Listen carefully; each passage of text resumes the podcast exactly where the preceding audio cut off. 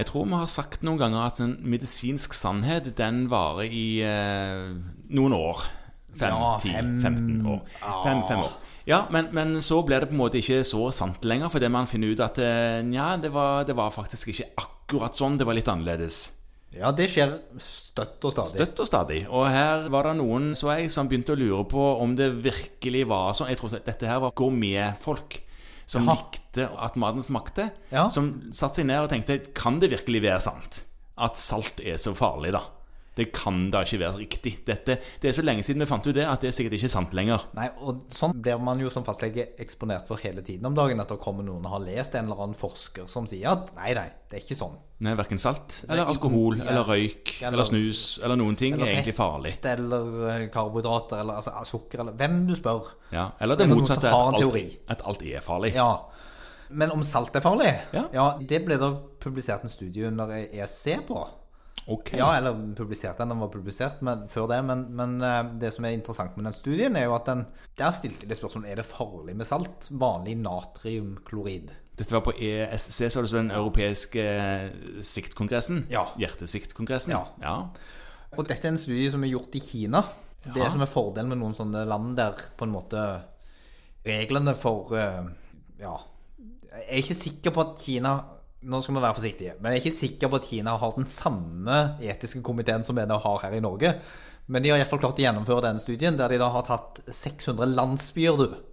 600 landsbyer. Ja, Og så har de gjort den til sånn der clustra randomisering. Det vil si at hver landsby blir eksponert for et tiltak. Ja. Eh, Så totalt så fikk de nesten 21 000 pasienter med seg i studien.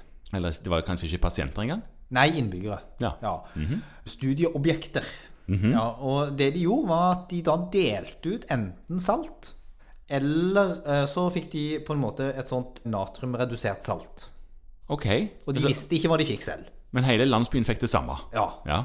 Det er bare det å på en måte klare å gå inn og på en måte styre salttilførselen til en hel landsby, eller til 600 landsbyer, det er jo en interessant studie i seg sjøl. ja, men dette er Kina. De får det sånt der. Ja, ja. Det, det er liksom Når ingen har lov til å protestere, så er det greit. Ja.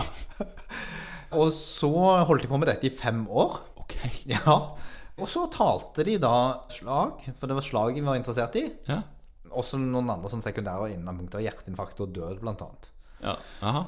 Og da fant de ut at over fem år så reduserer du da slagrisikoen med 14% hvis du får eh, natriumredusert salt kontra vanlig salt. Ok, ja, Så det er dårlig nytt for de som tenkte at den medisinske sannheten hadde tatt kvelden? Nei, den lever i beste Den lever. Den slo faktisk også inn på hjerteinfarkt og død. Ja. Så dette det er all, all eh, litt grann forsiktig med saltmengden. Det er fortsatt god grunn til å være det, og, og det som studien også sier noen ting om, er at det ser ut som det har større betydning jo eldre man blir.